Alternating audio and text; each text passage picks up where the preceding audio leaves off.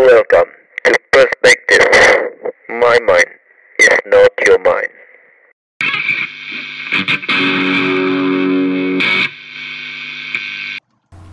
Halo, balik lagi bareng gua Adit. Nah, sekarang gua lagi sama teman gua nih. Buat teman seperjuangan gua lah pokoknya dia ini kan. gua lagi sama Sultan. Ya, siapa sih yang gak kenal Sultan? Tai. Nah, kemarin kan ini nih Tan, lagi rame soal SNM. SNMPTN. Oh. Nah, banyak yang nggak lulus, Oh. banyak yang sedih, banyak yang macem-macem lah. Nah, gue ngajakin Sultan ngobrol karena gue rasa Sultan punya suatu experience yang bagus nih buat diceritain sama semua orang nih. Nah, teman sebelum cuman sebelum itu, lu lagi sibuk apa sih sekarang? Oh, kalau sibuk ya biasalah kuliah, organisasi dan ikut-ikut komunitas gitulah buat bahan diskusi dan bahas untuk bertukar pikiran. Ya, seperti mahasiswa pada lazimnya lah. Nah, kalau boleh tahu nih Tan, lu kuliah di mana sih sekarang Tan? Cuma UGM kok. Ih. Rada-rada sedikit arogan dan sombong. Nah. Canda, canda. Lu sebelum masuk UGM kan apa ya?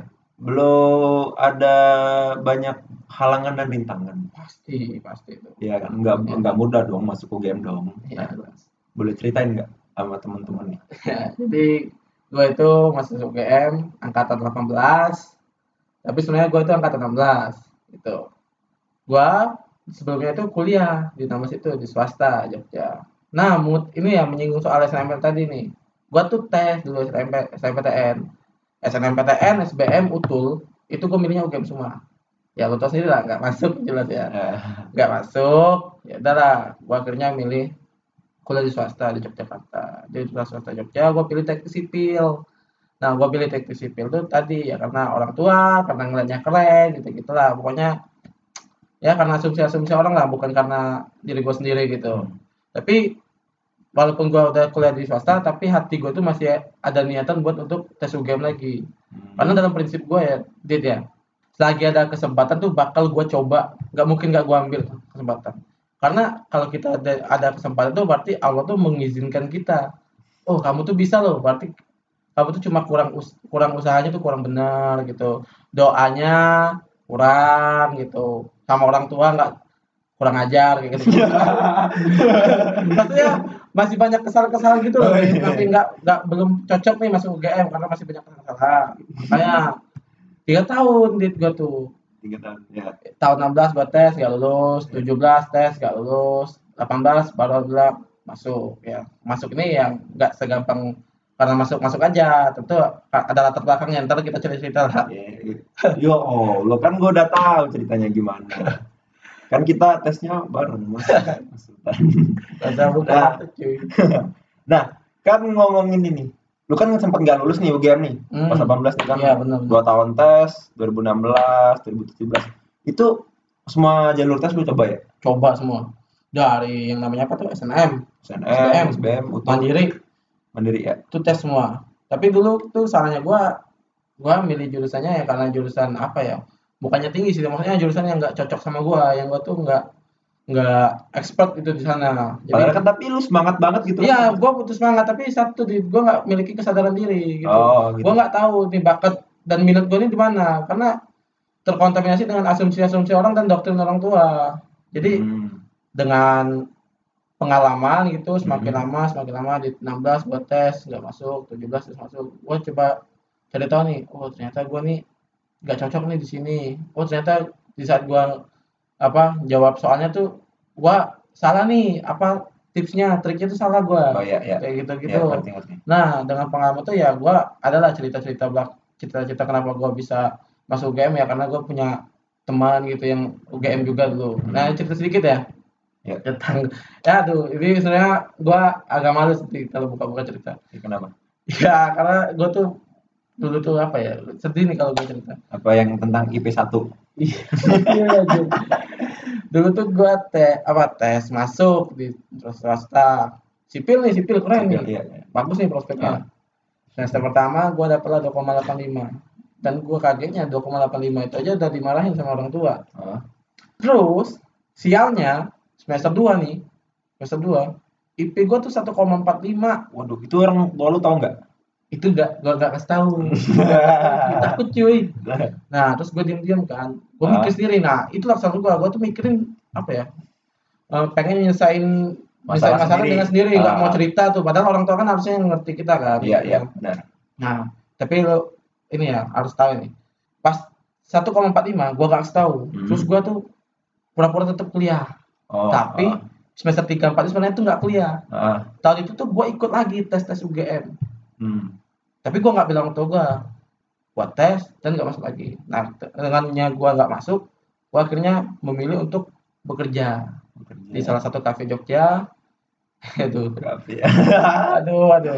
Gue tuh sempat ya dua bulan di Ah, jadi tukang cuci.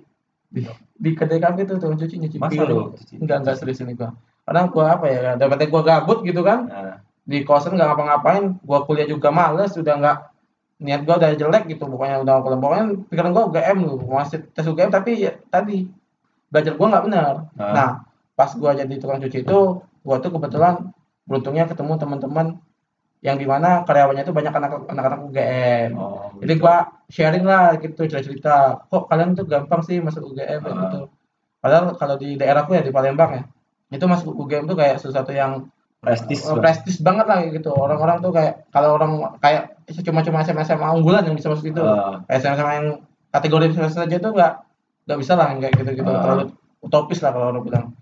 Terus setelah itu gue naik nih jadi waiters jadi kasir kayak gitu. Makin makin deket nih gue sama teman-teman gue tuh. Nah inilah fungsinya relasi di ah, relasi ini sangat penting. Apa gue bilang apa ya? Satu yang fundamental lah Iya. relasi. Karena kita di situ bisa tukar pikiran hmm, tukar pendapat. Bisa kita melihat tuh perspektif perspektif orang tuh gimana pengalaman pengalaman orang. Iya.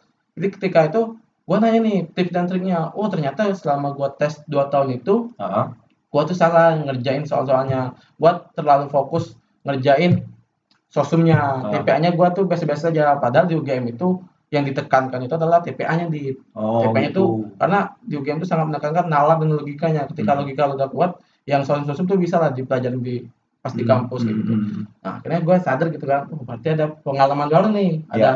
ada oh kayak gini cara belajarnya ternyata. Ternyata gue tuh salah cara belajarnya.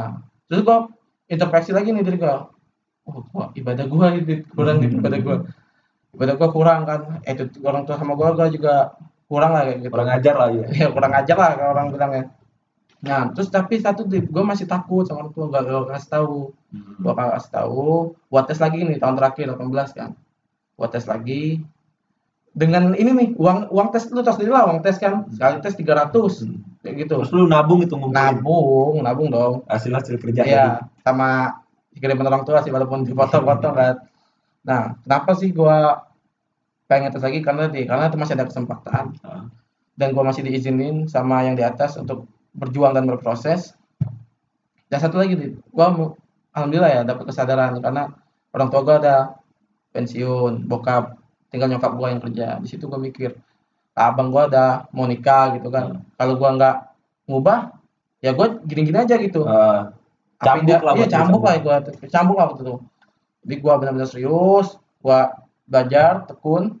Hmm. gua belajar itu tips dan triknya. Gua pelajari tentang TPA tuh sampai gua beli bukunya. Otodidak sih tapi gua nggak nggak pakai les les tapi gua sering share sama teman-teman gua. Ah, teman-teman sharing-sharing. sharing sharing kalau ngerjain ini gimana ya cara cepetnya? Kayak gitu tuh. Ah, nah, karena mereka kan tahu kan karena Iya. mereka sudah pengalaman udah masuk gitu kan.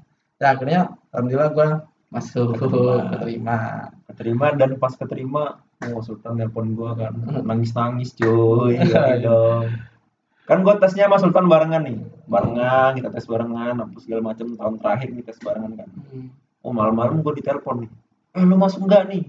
Alhamdulillah gua masuk sampai nangis nangis kan nyangka. gua wah anjing Sultan masuk nih.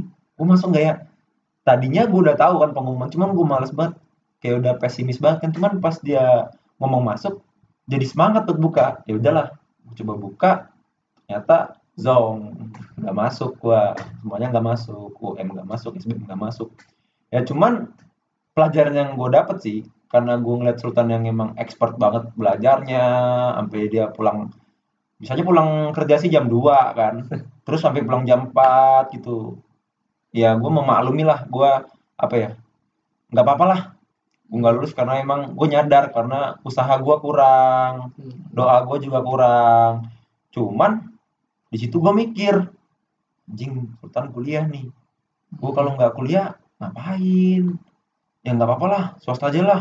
Gue pikir langsung gitu kan besoknya gue langsung tes berkat dorongan Sultan juga kan kayak Sultan motivasi gue lu harus kuliah lu harus apa apa ya bener sih kalau kata gue mah bener karena emang emang kuliah nggak menjamin kesuksesan Benar. cuman setidaknya kuliah membantu lu buat naik sedikit lah buat menggapai kesuksesan nah gitu Kalau gue bilang sih pendidikan itu adalah investasi gitu. investasi Investasi. Jadi ketika lo menganggap pendidikan itu penting, lo salah besar gitu. Lo harus banyak banyakin main, banyakin ngobrol sama orang-orang yang sukses itu. Mereka tuh nggak nggak ngelupain tentang pendidikan gitu. Pendidikan itu penting karena Ah. dia membahas tentang moral kita, membahas tentang bagaimana kita bersikap, bagaimana cara kita berpikir, bagaimana kita mengambil keputusan. Karena ketika kita mengambil keputusan itu didasari dengan ilmu ilmu Hmm.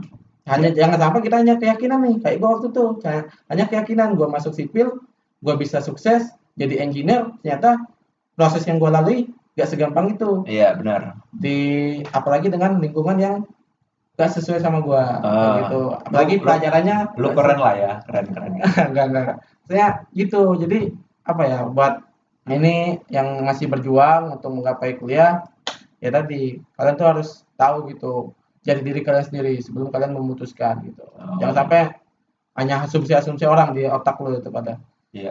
Nah, itu sih yang lucunya tan. Banyak kan orang-orang tuh pada mikir prospek dulu, oh baru proses. Nah, itu yang salah kalau kata bener. Lu harus mikir proses dulu baru prospek. Misalkan lu masuk nih, apa nih kuliah nih? Teknik misalkan, teknik mesin mesin mesin misalkan, teknik mesin nih. Lu udah mikir, oh, gua masuk naik mesin, terus gua ntar lulus, kerja, banyak duit, gaji gua puluhan juta, udah sukses gua. Ya oke sih nggak salah sih lu berpendapat itu cuman lu nggak tahu di balik perjuangan orang-orang yang sukses dengan kuliah di teknik mesin itu ada suatu hal yang berat yang harus lu lewatin dulu. Kayak gua nih. Gua dulu kuliahnya teknik informatika. Oh jadi buka ya. Nah, buka kartu lu. Ya, nggak apa-apa lah. Kan buat buat ini menyadarkan Iya, orang-orang. Ya dong tayu banget. Nah. ayo buka buka kartu lu. Kan gue dulu kuliah teknik informatika nih. Pertama sih gue iseng-iseng doang masuk-masukin kan tek-tek masukin SNMPTN nggak taunya keterima. Wah anjing. Teknik Seneng ya? iya seneng lah. Seneng banget kan. Iya nggak seneng, seneng cuman nggak terlalu seneng banget. Soalnya gue dulu nggak kepikiran kuliah juga kan. Udah gue masuk ngejalanin lah gue kuliah. Ah kuliah mah ntar abis ini gue kerja oh bayangan gue udah jauh banget Ya, kan udah kerja. Oh Google Telkom, Google. Telkom, Telkom, Telkom Google apalah yang kata orang gajinya sampai puluhan juta lu. Wah lu kalau ini pasti seneng banget dah Wah, gitu kan. Ya udahlah gue jalanin kan semester pertama semester kedua semester ketiga. Gue tiga semester kuliah di universitas yang biasa saja. Biasa saja kan. Nah gue kuliah nih semester satu nih.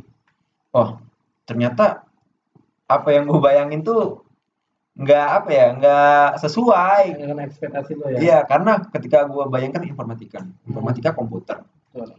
ya berarti otomatis gue bakal berkutat sama laptop, oh nggak bakal ada matematika. sesempit itu ya pikirnya Iya, iya segitu doang kan. Gue nggak bakal ketemu lagi nih matematika, gue nggak bakal asik. ketemu lagi nih fisika, gitu gitu segala macam kan. Anjing, padahal gue nggak tahu di informatika ya isinya matematika semua bangsat, gitu kan. Nah, nyalainin gue semester satu, IP gue berapa ya? Lupa gue 2,6 apa? 2,6 terus kuliah lagi lanjut semester 2 IP gue naik nih. Padahal di tahun itu gue pengennya tes sama kayak Sultan barengan sama Sultan. Sultan udah ngajakin gue kan. Hmm. pengennya tes cuman nggak tahu setan apa ya kan? Pas lihat IP gue naik gue jadi nggak jadi tes. Ya udahlah gue jalanin lah. Ah gue yakin lah ini bisa lah gue ini gue nggak jadi tes nih. Udah naik IP gue 2,7 2,8 gitu kan naik. Eh semester 3 anjing pelajarannya susah banget kan. Pelajaran yang paling bukan gua- susah. Lu Iya. sesuai sama judul iya nggak nggak sesuai sama gue kan. Iya.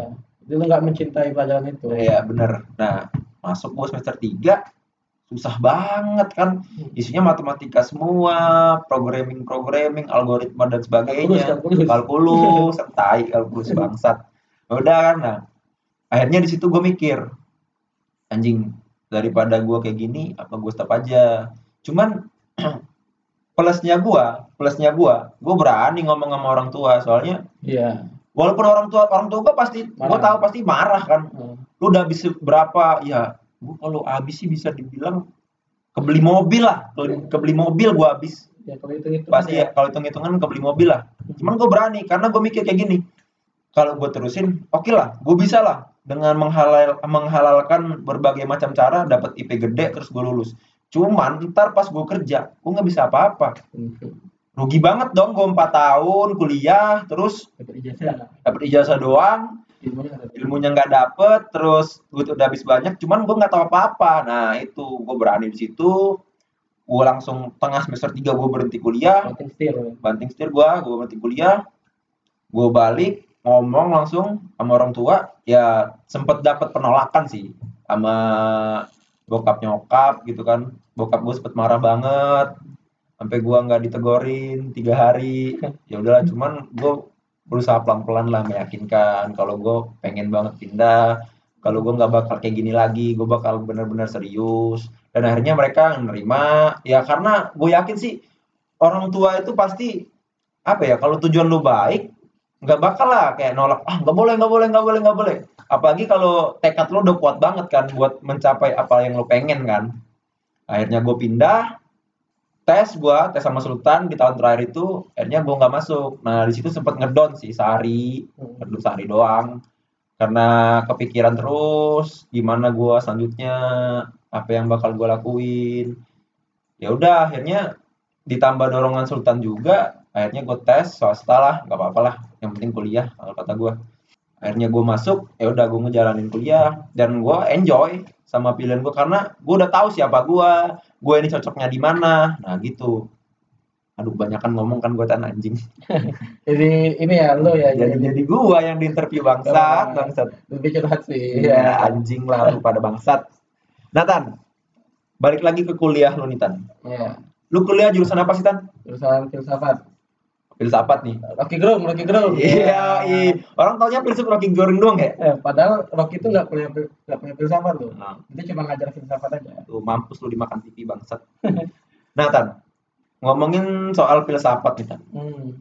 kan banyak orang yang ngomong nih sama gua gue cerita cerita juga sih sharing-sharing soal lo ke teman-teman yang lain kan wih gila nih Sultan masuk filsafat nih UGM lagi kan gue bilang Hmm. ih ngapain sih dia masuk filsafat gitu Lais. ntar jadi ateis kan ntar apa ntar Nggak punya agama ntar jadi gila ntar Hmm. apa segala macem lah nah sekarang gue mau nanya nih filsafat tuh gimana sih apa sih filsafat gitu Jadi filsafat itu adalah ilmu yang mencari tentang hakikat ataupun hal-hal yang tentang fundamental, ilmu itu radikal. Nah, di sini juga ilmu itu adalah ilmu yang paling tua, yang Hmm. sering disebut juga orang mother of science atau ibu dari segala ilmu. nah Karena apa? Karena dari filsafat itu mereka tuh ada yang namanya filsuf, tokoh atau tokoh filsuf hmm. dari Thales, Socrates. Di zaman peradaban dunia dulu, zaman Yunani, di mana nenek moyang kita lah tahu sendiri lah, Iya, iya, mempercayai mitos-mitos. Seperti contoh, jangan duduk di depan di depan pintu, Ah. ntar rezekinya nggak masuk. Itu Iya. kan mitos kan, Iya, yang nggak bisa dinalarin, nggak bisa dibuktikan secara fakta ilmiah. Hmm. Tapi dengannya ada filsafat, ilmu tentang mencari tahu tadi, membantah itu ya membantah itu semua dengan metode yaitu berpikir. Berfilsafat artinya berpikir. Nah, dengan berpikir itu kita mengalami observasi, Ah. penelitian, kita bisa melihat apa sih ibarat tuh kenapa orang-orang bisa bermitos seperti itu karena hal-hal itu nggak bisa diterima secara nalar gitu. Nah, di situlah berkembang lagi ilmu-ilmunya. Ada tokoh Socrates, dia mempelajari tentang kebenaran, kebijaksanaan. Turun lagi ada muridnya Plato mempelajari tentang ideologi, pemerintahan, baik buruk sosial. Turun lagi ke Socrates, belajar tentang logika, retorika, cara berbahasa. Di situ Oh. berkembang-kembang lagi, berkembang lagi banyak. Nah, nanti di situ filsafat itu mempelajari tentang tokoh-tokoh itu. Tentu banyak di filsafat itu yang paling penting belajar tentang logika Oh, logika itu intinya itu ya intinya itu sebagai Logika. alat. Nah, untuk melengkapi logika itu kita harus menguasai retorika untuk Oh. membahasakannya seperti itu. Tentu juga belajar tentang ideologi, bagaimana gimana sih sistem pemerintahan yang baik, sistem sosial yang baik itu gimana. Itu tuh kita mengkorek segala isu secara komprehensif gitu loh. Nah, ngomongin soal ideologi kan. Oh, Berat nih. Nah, enggak enggak, gue tuh penasaran tadi. Iya. Emang ideologi itu yang ujungnya ada isme-isme tuh ideologi bukan sih kan? Apa? Yang ujungnya ada isme-isme gitu kan banyak nih ada komunisme, liberalisme, terus apa lagi? Eh, rasisme, Kapi- Kapitalisme. kapitalisme. Nah, itu semua yang ada isme-isme itu ideologi bukan sih? Iya, jadi gini, kata isme itu sendiri artinya adalah aliran. Oh, aliran. aliran isme itu Oh, aliran ah, ketika tapi tergantung konteksnya ketika lu bilang misalnya kayak animisme berarti animisme itu orang-orang yang percaya kepada kayak berhala-berhala gitu ah. nah ketika kita sudah bahas tentang komunis ataupun kapitalis itu tentang pemikiran konsep bagaimana negara dan masyarakat gitu. Ah. bagaimana? Kayak komunis kan? Komunis sangat gampang mengkonstruksikan secara sederhana. Komunis itu adalah eh, bagaimana mewujudkan masyarakat tanpa kelas. Dengan Oke. tadi membagi secara rata. Apa pun cara yang dilakukan itu akan ditempuh ya dengan cara ngagak sedikit dengan memberontak revolusi. Kita agak geser sedikit tentang kapitalisme. Bagaimana orang-orang yang memiliki alat produksi dia memiliki kewenangan untuk memproduksi alatnya sendiri sehingga orang-orang yang kaum inilah apa proletar itu nggak bisa apa yang kaya semakin kaya miskin semakin miskin gitu loh Oh, kurang lebihnya gitu. Jadi yang isme-isme itu belum tentu ideologi gitu. belum tentu ya ideologi kan ada ada ada standarnya sendiri Oh, ya oke. ketika ketika orang mempercayai ideologi tersebut ya banyak orang yang mempercayai ya bisa disebut ideologi tapi nggak semua isme itu ideologi karena itu arti isme itu adalah aliran Nah, lu kan kuliah di filsafat kita nih. Yang mana filsafat itu apa sih? Humaniora ya? Humaniora, Humaniora, kan? jelas tentang di filsafat itu ada tiga nih yang sederhana aja ya tentang yang pertama tuh mempelajari tentang teologi antropologi sama kosmologi Ah.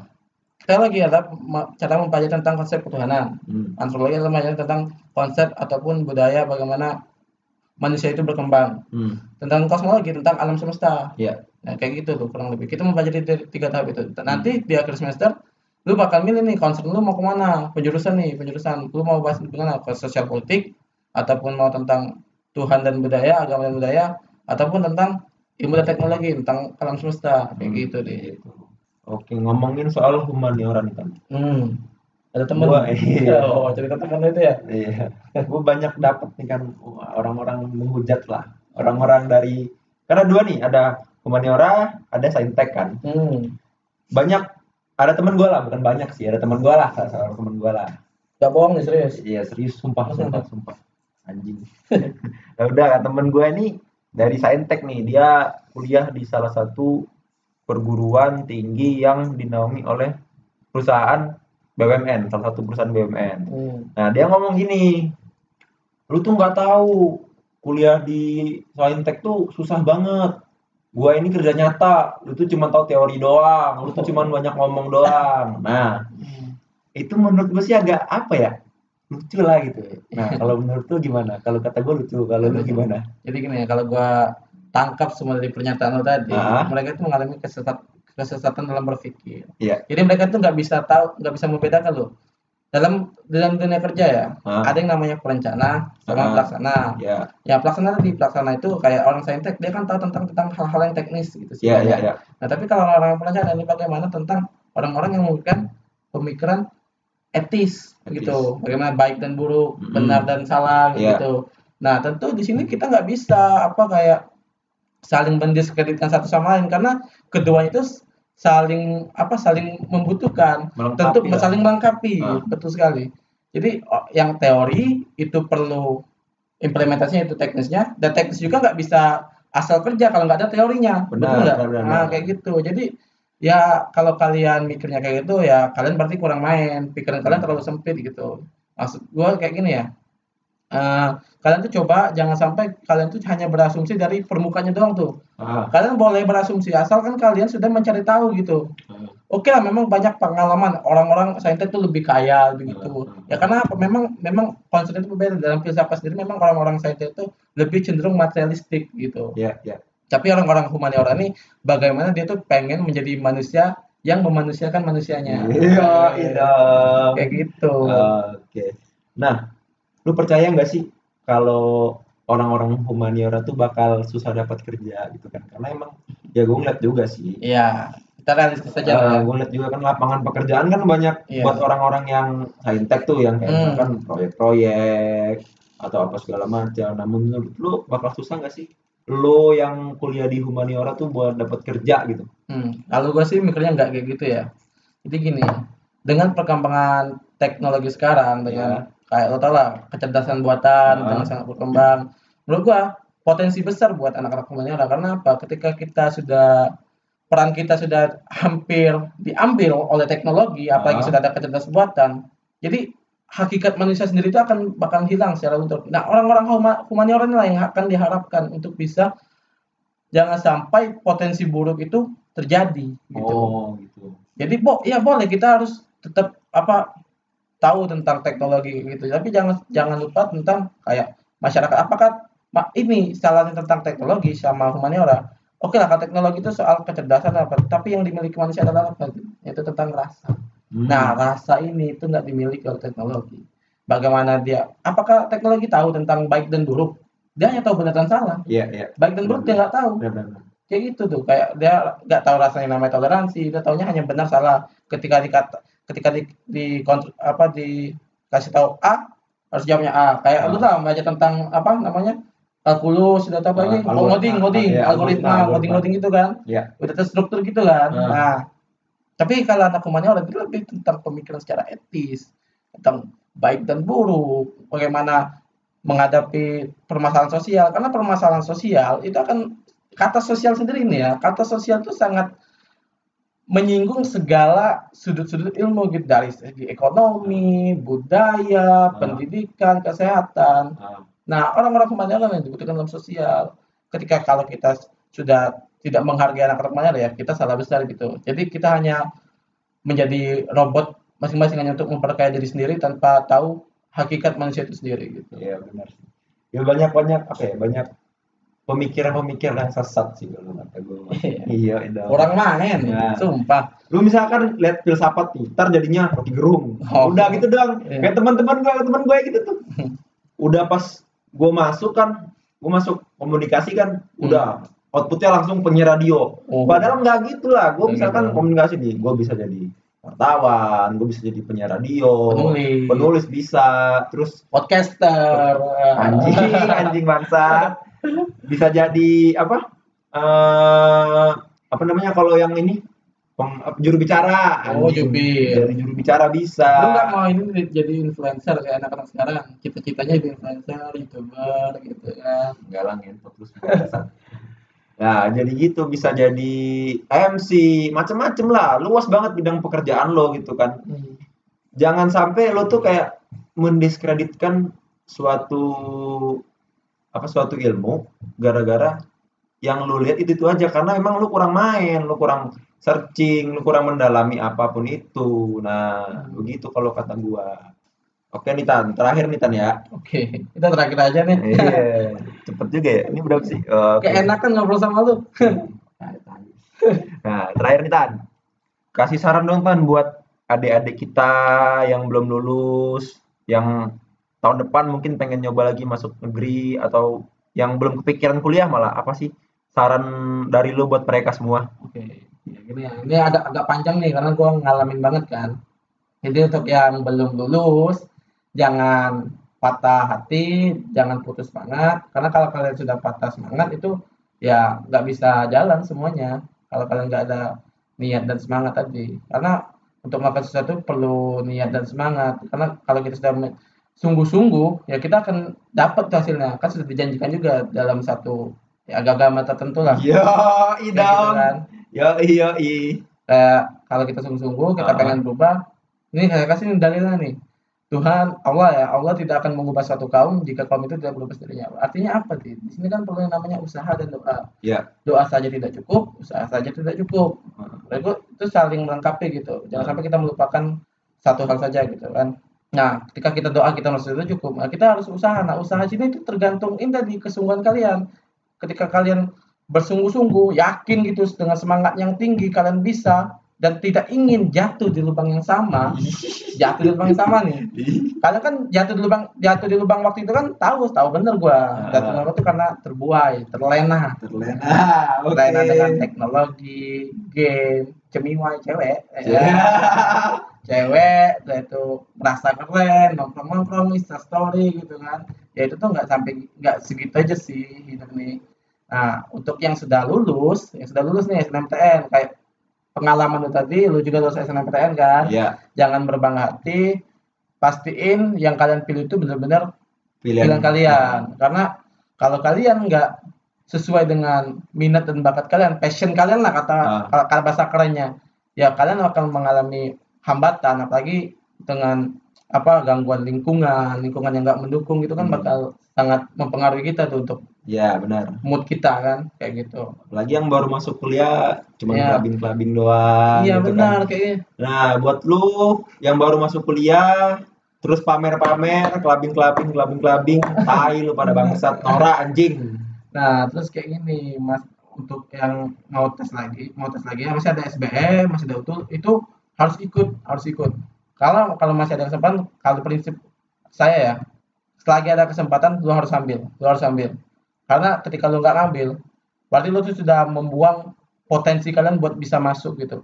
Sama satu lagi, kalau kalian bercita-cita, cita-cita lah yang tinggi. Gak ada tuh yang namanya cita-cita yang nggak bisa digapai. Hanya niatmu aja yang sangat rendah cita-cita yang sangat tinggi.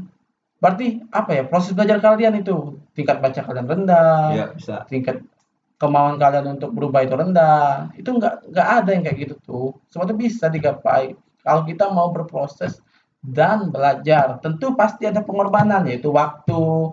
Ya mungkin kita mengorbankan dengan kehidupan media sosial kita yang kita terlalu Hmm. fokus terhadap media sosial. Untuk apa sih kita kayak mementingkan citra kita terhadap sosial tapi otak kita nggak ada isi sama sekali Iya. kayak lu cuma ngeliat luarannya doang nih kayak Hmm. gua keren lu tuh nggak keren sebenarnya. Yang keren itu ketika lu pinter dan bermanfaat bagi orang lain. Nah itu baru keren. Cewek ini ya apalagi lu di kuliah lu nggak bakal bakal ngeliat orang cewek itu bakal ngeliat cuma pakaian lu keren rambut lu pomade kayak apa lagi. Ada sih, ada sih di kampus gua banyak. ya itu mungkin mereka belum sadar aja sih menurut gua. Tapi yakin lah suatu saat cewek itu cewek maupun cowok lah gua nggak mau bilang apa hanya satu aja ya kayak gitu. Tentu orang tuh pasti memikirkan tuh yang namanya pendidikan. Ya. terus setelah itu karyanya gitu. Nah, terus lagi semangatnya attitude-nya perilakunya bagaimana eh, dalam dia bersosial bermasyarakat tentu bakal dilihat. Nah dengan bertambahnya umur dengan bertambahnya umur kalian akan semakin sadar gitu. Nah maksud gua di sini jangan sampai kesadaran kalian itu terhalangi. Karena terbuai dengan hal tadi. hal-hal tadi yang seperti saya sebutkan tadi. Kayak gitu. Iya sih benar sih kan. Karena kayak apa ya? ya kita juga pernah ngalamin dit Iya, emang. Tahu sendiri lah. Ya, gue bercerminnya gitu sih. Jadinya Ah. gue nggak terlalu banyak komen. Cuman lu tuh pada aneh dah. Kalau masuk kuliah, baru masuk kuliah gitu kan. Datang pamer, gue keren banget nih. Oh, gue kaya banget nih. Itu nggak bakal lu pakai ntar kalau lu lulus. Anjing keren doang buat apa tai? Lu mau jadi model. model juga kalau semua orang jadi model, lalu jadi apa? Emang muka lu ganteng banget? Nah, kan nggak gitu. Maksud gua mulai sekarang mulailah ubah pola pikir lo Iya, lebih benar. serius lah kuliah ya gue juga nggak ngomong gua ini sih gua serius banget kuliah Hmm. cuman gini nih yang apa ya yang paling penting menurut gua poin penting kuliah adalah lo harus dapat ilmunya iya benar. ilmunya lo harus dapat IP IP gede itu bonus kalau kata gua Iya. bonus hasil dari apa yang lo capai nah itu menurut gua Ya, sama sih gue sependapat sedikit tambahkan ya. IP lu gede juga itu tuh mengutip dari wejangan Pak Anies Baswedan. IP yang gede itu hanya mengantarkan lu di meja wawancara. Setelah itu apa yang dibutuhkan? Yaitu soft skill. Apa itu soft skill ya? Tentang cara kepemimpin, cara kepemimpinan, public speaking, apa track record track record Anda tentang berorganisasi, bagaimana Anda mengimplementasi ilmu Anda. Karena kalau Anda hanya mengandalkan IP, ya itu hanya apa syarat formal. Nah, syarat non formalnya itu yang lebih fundamental. Anda bisa riset. Omongan saya ini nggak nggak apa ya, nggak ngawur loh. Banyak riset yang mengatakan IP IP nilai IP yang tinggi itu itu ada di urutan yang nggak prioritas gitu. Ya Hmm. memang itu syarat formalnya. Itu juga kalau bagus sih kalau kalian IP-nya bagus, ilmunya juga dapat, nah itu top banget. Itu gua salut banget sama kalian kalau kalian kayak gitu. Jadi gitu. Terus juga sama ada nih yang SBM sama UTUL ya. Kalau mau ikut-ikut mandiri, jangan kayak kemarin tuh milih jurusan karena ikut-ikutan teman, doktrin orang tua, cobalah untuk lebih cair sama orang tua. Ceritain kepinginan kalian tuh apa gitu. Ketika kalian pengennya, oh kalian ini ternyata memang dulu kalian IPA, tapi ternyata jiwa kalian tuh IPS. Kalian tuh lebih suka sejarah, lebih suka kayak memahami dibanding menghitung. Nah, cobalah untuk bercerita sama orang tua. Tapi dengan cara yang baik. Kalau dengan cara yang baik, insya Allah ya, orang tua kalian juga bakal mengerti gitu apa kira Terus sama satu lagi, yakinlah pada diri sendiri. Jangan sampai Anda itu mengikut-ikuti orang. Lebih baik kita benar sendirian dibanding kita salah mengikuti orang karena rame-rame kayak gitu. iya iya iya iya. Oke tan oke oke. Siap. Apa ya kayak gue tuh gak pengen gitu. Kalian tuh ngalamin kayak gue sampai tiga tahun baru masuk UGM nggak jangan sampai kalau bisa tahun pertama langsung masuk gitu UGM atau UI atau ITB atau IPB kalau belum kalau bisa Stanford Harvard itu kayak gitulah. Harvard. Mau di Ayunda ya mau di Ayunda. Harvard. Nathan terakhir nih Hmm. hmm. nggak terakhir tadi udah tadi udah ngomong terakhir ya ini terakhir terakhir terakhir dari terakhir terakhir terakhir lu setelah lulus dari filsafat kan hmm. mau jadi apa tan oh dalam ini ya orientasi gue terdekat ini goals gue itu yang lanjutin scholarship di luar negeri Nah. ya kalau bisa ya kalau bisa dapat beasiswa mengurangin membantu orang tua dari segi biaya maupun hal-hal lain ya tentu gue ngejaga IP banget nih. Hmm. IP gue alhamdulillah nggak kayak dulu. IP gue Iya, ada iya, ada hampir-hampir cum laut. Ya kayak gitu. Iya. cum laut gitu kata-kata orang. Nah, tapi gua nggak mau juga apa jangan jangan cepat berpuas diri gitu kan. Karena masih awal banget kita nih. Kita nih di umur gua yang 21 di angkatan 18 maba cuy. 21 maba anjir. Nah itu sih kalau gua scholarship S2 karena gua lihat ya ini spekulasi gua sendiri ya. Gua lihat di zaman kita nanti ya Tit, ya mungkin ya. S1 tuh udah banyak orang yang S1 tapi nggak cukup kalau untuk S1 doang. Lu harus S2 kalau bisa ya. Iya. Kalau bisa lu mampu ya tadi lu sebenarnya bisa sih mampu. Ya kalau lu benar bersungguh-sungguh dan niat kayak gitu. Lu belajar lu kejar beasiswa dengan IP yang tinggi syarat-syaratnya kayak kemampuan berbahasa Inggris kemampuan apa track record dalam berorganisasi nilai di kelas juga baik nah itu sudah kalau udah, udah lengkap semua gampang gitu nggak ada yang kata yang nggak ada kata susah dalam hidup ini kalau kita bener bener-bener tekun dalam menjalaninya Oke deh. Ya, mungkin segitu dulu dari gua.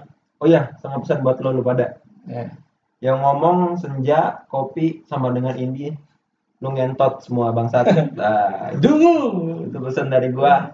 Ya, sekian dari gua Adit. Dah.